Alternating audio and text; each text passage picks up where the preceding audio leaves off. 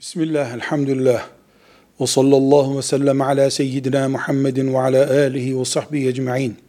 Özellikle bayanların tırnaklarına sürdükleri ojenin bir zinet olarak kullanılmasında bir sakınca yok. Evet bu e, batı kültürünü temsil ediyor vesaire ama her halükarda oje sürmek yani bir zinet kabul edilebilir.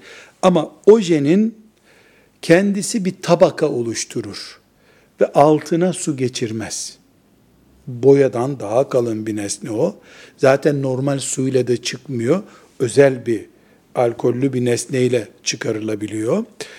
Tırnağın üstü de gusülde ve abdeste yıkanmalıdır.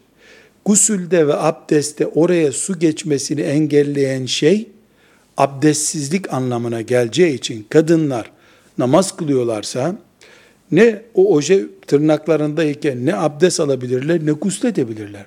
Dolayısıyla namazlı bir Müslüman kadın oje kullanamaz. Çünkü ojenin abdeste ve gusle zararı var. Velhamdülillahi Rabbil Alemin.